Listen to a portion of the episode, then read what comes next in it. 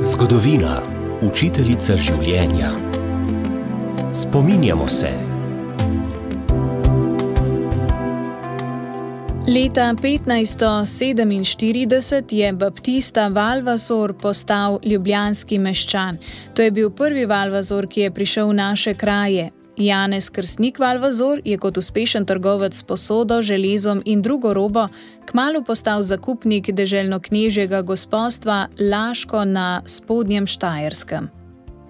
11. marca 1575 je v Frankfurtu na Majni umrl hrvaški protestantski pisec in zgodovinar Matija Ilirik Vlačič. Po poklicu je bil profesor hebrejščine in svetega pisma, sodeloval je s hrvaškimi in slovenskimi protestantskimi pisci, med drugim je napisal crkveno zgodovino v 30 delih. Na današnji dan, leta 1889, je v Ljubljani umrl znanstvenik in politik Dragutin Karel Dežman. Svetovno znanje postal z odkritjem kolišč na Ljubljanskem barju. Organiziral je prvi avstrijski antropološki in prazgodovinski kongres v Ljubljani. Za Narodni muzej je pridobil titulo zvač in o njej objavil več razprav. 11. marca 1898 se je v Žuženberku rodil časnikar, urednik in duhovnik Jože Košiček.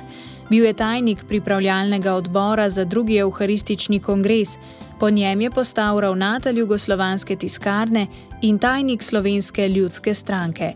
Leta 1947 je odšel v Buenos Aires, kjer je deloval kot izseljeniški duhovnik. Leta 1916 se je na Soški fronti začela peta bitka. Potem, ko so fronto zaznamovale že štiri, je ta pomenila nov pristop v načinu bojevanja.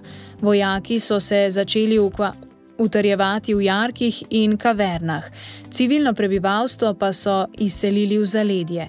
Aton Trstenjak je v oddaji naš gost 1996 takole obudil spomine na Soško fronto.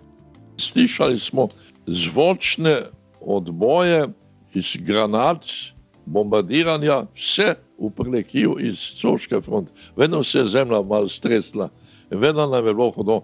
In zato so spomini na tista štiri leta otožni.